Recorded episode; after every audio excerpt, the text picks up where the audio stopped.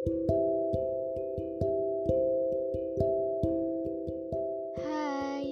di sini aku akan cerita hal-hal yang gak bisa aku cerita secara langsung. Dengeri aku ya, agar aku ngerasa punya teman. Selamat mendengarkan.